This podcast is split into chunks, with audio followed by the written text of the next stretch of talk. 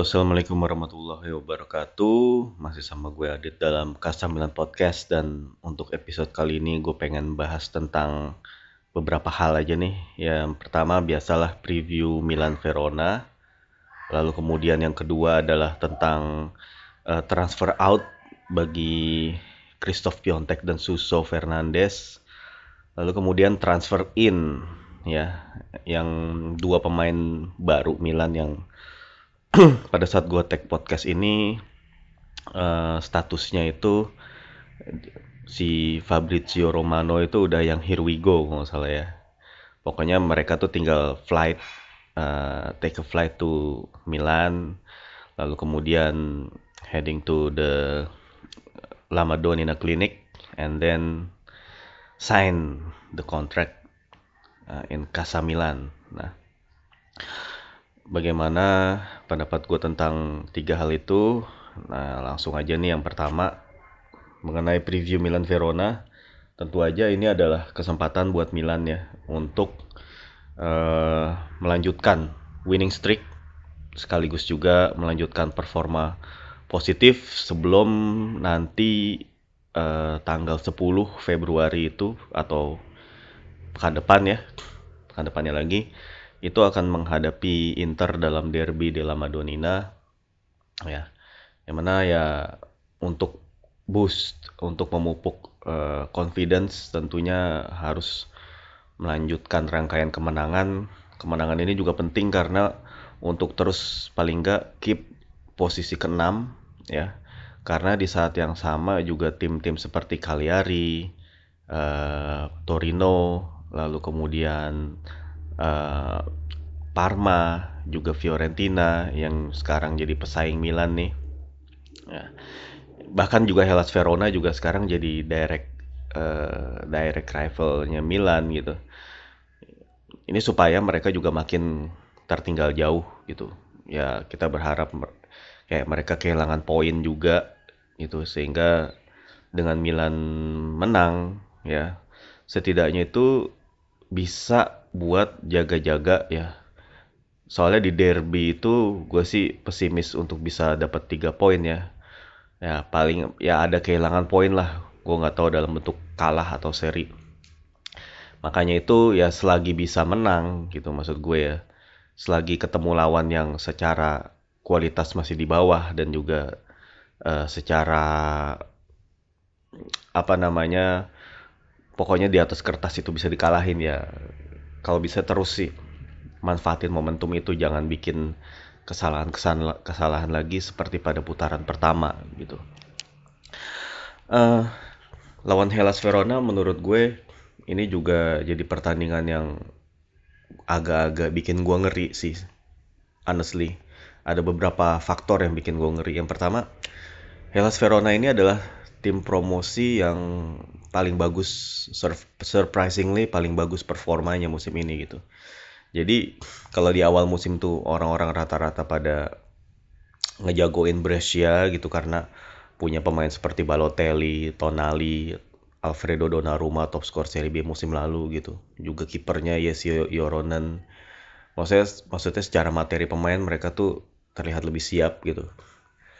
Tapi ternyata mereka lagi underperform di Serie A. Nah, di lain sisi Verona itu sama sekali nggak nggak gue perhitungkan untuk bisa survive sih pada saat mereka promosi gitu. Mereka ngandelin pemain-pemain tua ya, ada Pazzini nih, ada Miguel Veloso gitu. Ya maksudnya kayak tim yang emang skuadnya itu didesain emang cuma untuk bertahan di Serie A doang gitu ngandelin experience players terus ngandelin beberapa pemain yang relatively unknown gitu.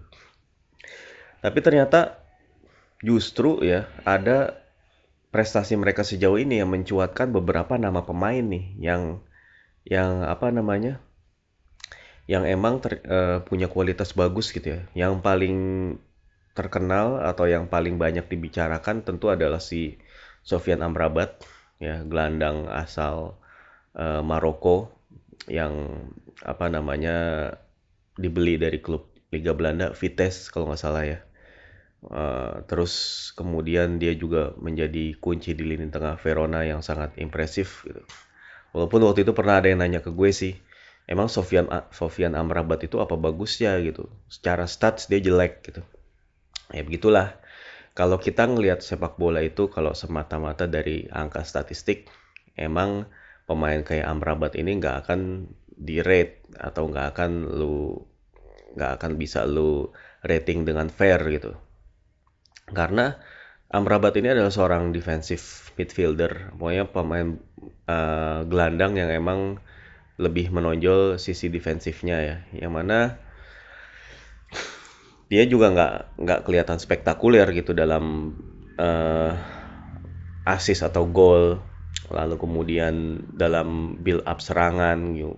Dia tuh seorang breaker tapi juga dia punya ke, ada juga kemampuan untuk kayak bisa long pass kayak gitu-gitu. Punya kemampuan yang komplit lah. Maksud gue gitu. Nah selain Amrabat ya buktinya Amrabat sekarang kok nggak salah dia udah deal sama Napoli ya tapi untuk summer nanti gitu. Artinya ketika klub-klub gede itu udah udah nge, uh, ngelihat dia sebagai uh, sosok pemain yang pantas buat klub mereka ya berarti emang doi punya kualitas gitu aja. Ya, dan pas waktu Milan ketemu Verona di leg pertama ya di pertemuan pertama yang berlangsung di Marcantonio Bentegodi itu emang Amrabat mainnya bagus sih. Gue juga sampai penasaran ini gelandang Verona yang palanya botak nih siapa nih?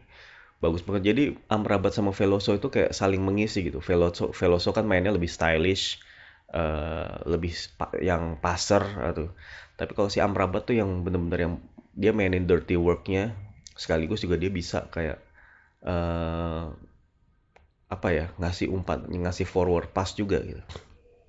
Nah selain Amrabat yang juga uh, pemain yang juga cukup bersinar bersama Verona adalah Amir Rahmani. Kalau nggak salah Rahmani juga udah deal sama salah satu klub apa ya Napoli juga kali ya lupa gue pokoknya Amir Rahmani ini back muda juga. Ya asal aduh gue juga lupa. Albania apa apalah gue lupa. Bukan negara-negara gede gitu lah. Lalu ada Coral Gunter, Coral Gunter ini juga gue juga terus terang gue nggak tahu asal negaranya apa. Jerman kalau dari namanya apa dari dari mana. Ini juga posisinya back ya. Ini back yang cukup dilirik juga gitu.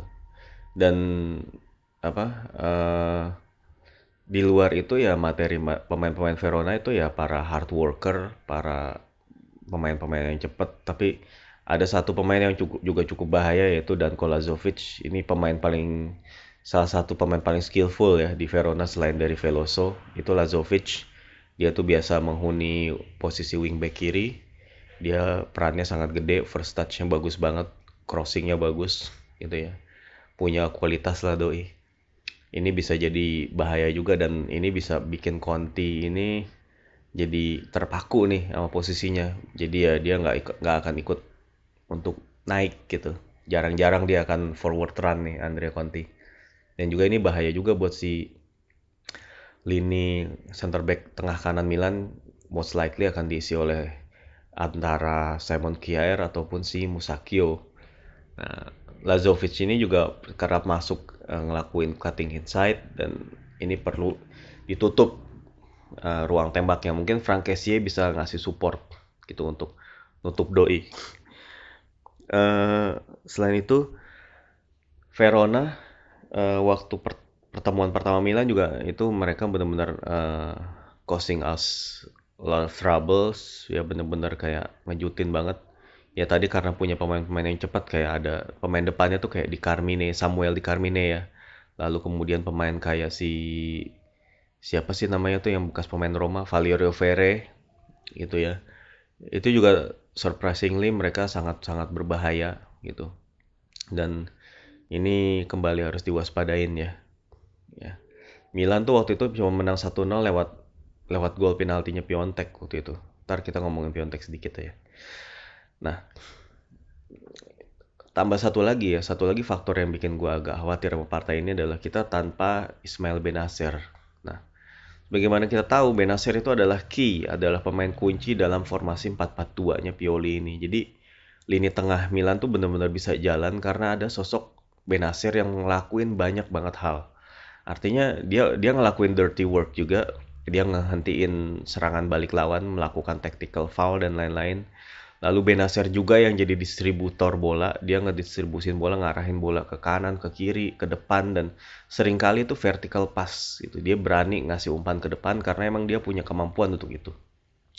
Lalu dribbling-dribblingnya juga kadang-kadang diperluin kayak untuk uh, nembus, untuk kayak bener-bener kayak ngubah permainan, ngubah arah permainan itu dribbling dribblingnya Benasir juga diperluin dan juga semangat juangnya dia determinasinya. Pokoknya kehadiran sosok dia itu sangat-sangat krusial sangat-sangat vital buat Milan. Tapi ya uh, ini juga bisa jadi blessing in disguise kal karena kalau misalnya si Benasir kemarin tuh gak kena kartu kuning pada pada saat lawan uh, Brescia maka dia ya akan bertanding di lawan Verona ini dan kemungkinan kena kartu kuning juga bisa absen di derby. Jadi mungkin ya ini kayak semacam taktik juga lah supaya ya udah lu kena kartu kuning aja deh Ben. Jadi ntar pas lawan Verona lu istirahat tapi lawan Inter lu bisa main gitu. Tapi ini juga bisa bisa jadi ya jadi berpisah bermata dua juga. Absen lawan Verona tuh e, bisa bikin Verona lebih leluasa di tengah gitu. Gue takutnya gitu. Dan gue nggak tahu apakah Pioli itu akan ngisi posisi dia dengan Calhanoglu ataupun si Krunic. Ada yang bilang Calhanoglu sih di beberapa akun-akun Milan di Twitter itu bilang ini most likely Calhanoglu akan uh, mengisi role-nya si Benacer dan juga di sayap kiri akan dioccupy sama si Jack Bonaventura. Nah, kemudian yang menarik juga adalah bagaimana Milan uh, lini depan Milan ya, apakah si Pioli akan nurunin si Leao atau Rebic. Nah, ini juga gue nggak tahu akan Pioli akan evaluate uh, antara Rebic atau Leao ini untuk kedampingin Zlatan karena uh, the other way around pokoknya dua pemain ini bisa berguna. Antara jadi starter mereka bisa berguna jadi super sub juga berguna gitu. Ini gua rasa sih tergantung kebutuhan aja sih gimana akhirnya Pioli ngelihat mengamati lawan itu bisa kelemahannya itu bisa diantisipasi atau bisa dimanfaatin lewat memasang Leao atau si Rebic gitu terserah dia. Gitu. ya udah gue gua rasa sih itu aja ya preview Verona. Nah, sekarang gue akan lanjut ke kepergian Suso dan Piontek. Nah ini ada hal yang ironis mengingat Suso ini dalam lima musimnya di Milan ya. Paling nggak tiga musim terakhir itu dia jadi key player. Key playernya Milan dia leading assist kadang-kadang juga leading score. Nggak nggak sampai leading score tapi dia itu bisa bikin kayak 7-8 gol per musim. Dan juga ya dan juga jumlah yang sama untuk asisnya dia. Artinya nunjukin bahwa eh, serangan-serangan Milan itu amat tergantung sama dia gitu, amat sentral apa sentral ke Suso gitu. Artinya Suso ini pusat permainan Milan, pusat kreativitas Milan dan juga bagaimana Milan itu creating chances itu tergantung daripada Suso. Ya. Suso emang nggak nggak sering bikin gol, tapi sekalinya dia bikin gol itu gol-gol yang spektakuler, gol-gol yang presisi, gol-gol yang uh, apa namanya berkelas yang arahnya tuh ke pojok yang sulit diantisipasi kiper mana pun itu menurut gue menunjukkan kualitas terbaik dari seorang Suso Fernandes gitu ya. Cuman ya nggak ada pemain yang sempurna juga dan Suso termasuk pemain yang dikritik sangat-sangat uh, one dimensional cuman punya satu gaya bermain cutting inside lepas tendangan cutting inside umpan. Begitu aja sehingga lawan itu tentu udah ngantisipasi ya dan dia nggak dia juga bukan tipe pemain yang cepat pemain pemain seperti Arjen Robben juga sebenarnya agak-agak satu dimensi atau monodimensional ya. Cuman Arjen Robben itu punya speed. Arjen Robben tuh punya agility yang bikin lawan itu susah ngehentiin dia. Walaupun style dia atau gol-golnya dia sepanjang karir itu sama mirip gitu. Cuman karena Robben itu cepet ya itu akhirnya uh, gimana pun lawan itu agak akan susah nutup dia. Ya Messi juga gaya dribblingnya kalau lu perhatiin sama gitu. Maksudnya nggak yang nggak yang pakai nunjukin nggak kayak yang samba kayak Ronaldinho kayak gitu. Nggak yang stepping yang pakai stepping stepping gitu enggak tapi Messi itu benar-benar kayak cuman dribble cepet lari terus efektif gitu udah. Tapi karena dia gerakannya cepet ya karena akhirnya back jadi susah ngehadang dia gitu. Itu maksud gue kayak gitu Suso itu mungkin harus improve di situ ya. Speednya dia kayak akurasi dia gitu yang harus ditingkatin. Dan apa namanya seiring dengan performa-performa yang makin menurun tentunya akan banyak uh, desakan, akan banyak ledekan, akan banyak cemoohan dari supporter. Dan hal ini sangat nggak mudah untuk dihadepin gitu. Ketika lu dibu atau disorakin gitu, ini nggak uh, akan nggak akan sulit apa nggak akan mudah dihadepin ya. Ter apalagi lu tadinya tuh pemain yang dipuja-puja, pemain yang jadi kesayangan supporter, tapi kemudian karena performa turun jadi langsung disorakin gitu. Nah artinya uh, begitu cepat ya supporter bola itu berubah pikiran, berubah perilaku gitu dari mulai kemarin dia temen lu, besoknya musuhin lu gitu. Ya itulah emang realita yang terjadi, terutama kalau ngomong di Italia ya. Di Italia itu sangat mendewakan hasil, jadi kalau lu nggak bisa ngasih result ya lu selesai gitu aja gitu. Dan uh, ketiadaan Suso juga kayak mengubah cara Milan bermain sih mengubah approach gitu kayak bola itu nggak selalu dikasih ke dia gitu. Dan gerakan juga jadi lebih cepat lah jadi lebih dinamis lah gitu. Jadi menurut gue pindahnya Suso ke Sevilla ini menurut gue win-win solution ya. Di Sevilla dia bisa nyoba untuk uh, revive his career gitu ya. Dan Gua rasa sih ini juga jadi bagus buat Sevilla juga karena kemampuan teknis dari Suso. Dan Suso juga kan orang Spanyol ya dia jadi pulang kampung. Artinya ya mungkin dengan dengan dia dekat sama keluarganya itu mungkin bisa jadi kayak ngebangkitin dia lah gitu. Dan kalau dari sisi finansial Milan jelas, jelas meng, apa, uh, mengambil keuntungan dari transfer Suso. Uh, karena Milan tuh cuma ngebeli Suso gak nyampe sejuta euro lah dari Liverpool waktu itu 500 ribu apa tapi sekarang uh, dari deal yang uh, diberitakan itu adalah loan uh, dengan certain condition to meet uh, if it become obligation. Artinya kalau kalau misalnya uh, Sevilla, Suso dan Sevilla itu mencapai uh, sebuah milestone itu uh, kewajiban apa peminjamannya itu jadi kewajiban untuk beli gitu. Ini dan ini uh, kewajibannya adalah kalau Sevilla lolos ke Liga Champions dan saat ini Sevilla duduk di posisi ketiga di La Liga, klasemen La Liga sementara. Ya, yang mana ini jadi peluang besar mereka juga untuk melaju ke Champions League. Gitu. Jadi Milan akan membukukan untung cukup banyak lah, 25 juta euro kurang lebih dari Suso. Nah yang kedua Christoph Piontek nih, ini fenomena yang lagi-lagi sangat aneh kalau gue bilang musim lalu Piontek itu andalan banget ya dia produktif banget bikin gol, memberi dimensi pada permainan Milan. Lu inget golnya ke gawang Atalanta, itu keren banget. Dua golnya ke gawang Napoli di Coppa Italia itu juga keren-keren. Nunjukin kualitas dia, artinya. Tapi ya sebegitu cepatnya seorang pemain itu mengalami penurunan performa dan lagi-lagi begitu cepatnya supporter itu uh, mengubah penilaian mereka terhadap seorang pemain hanya karena formnya itu nggak bagus gitu. Dan ya gitu Piontek itu kan tadinya bersama Lukas Paketa ya itu digadang-gadang sebagai masa depan Milan. Pemain yang masih muda relatif muda usianya dibeli dengan harga mahal itu kayak nunjukin keyakinan manajemen terhadap dia gitu.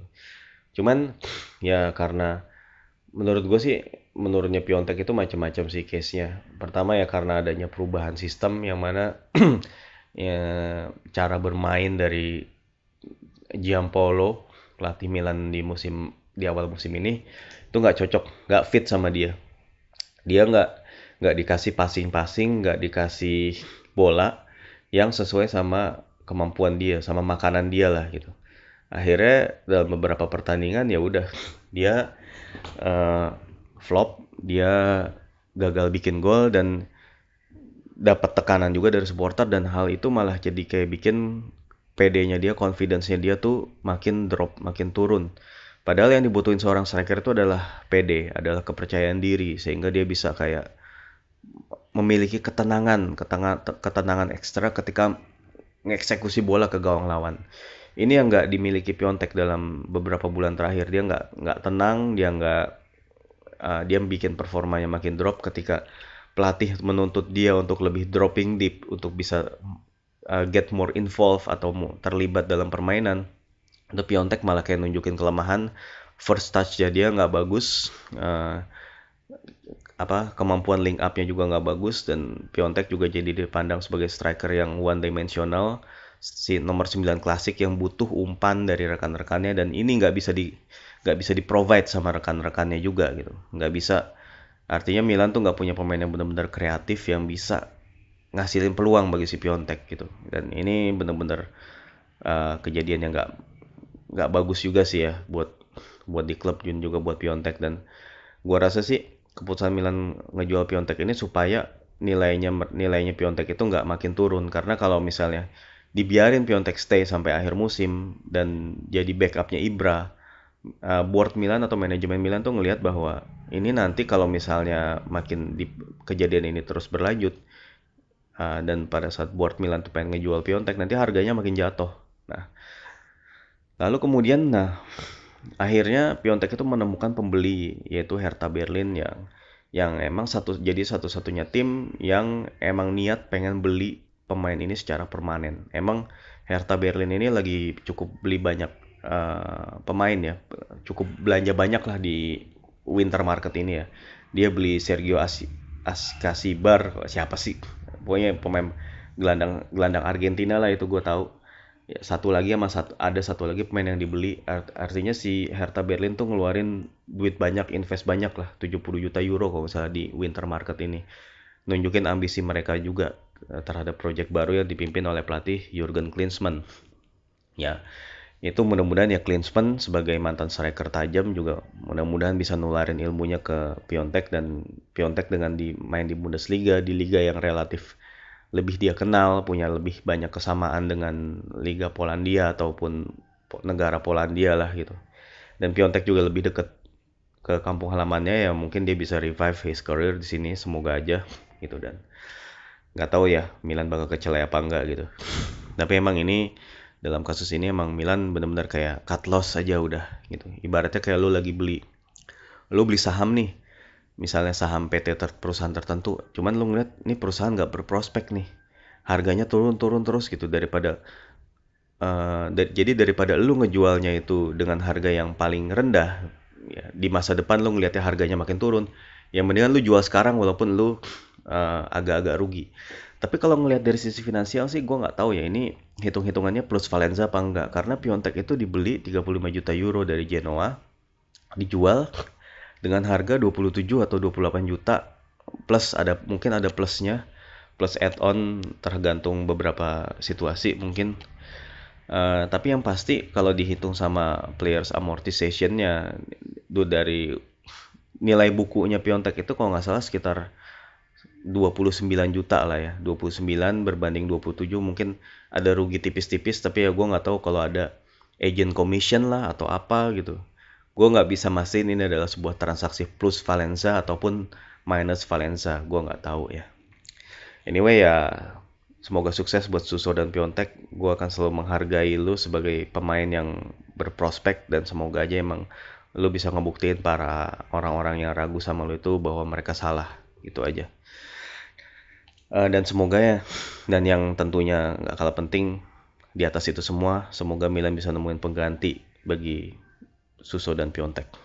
Nah, ngomong-ngomong sebagai pengganti, Milan baru ada ya kayak apa ya dan deal. Kayak deal yang udah disetujui oleh kedua belah pihak tinggal subject to medical yaitu dua dua pemain sekaligus yaitu si Alexis Salemakers. Gua nggak tahu gimana ngebacanya tapi uh, agak-agak susah di di spell atau dieja mungkin untuk saat ini gue nyebutnya itu aja. Nanti kalau misalnya komentator bisa nyebut nama dia dengan komentator kan tentunya lidahnya lidah native ya bisa lebih memahami gitu ya spellingnya dari Belgia ataupun Perancis lah gitu.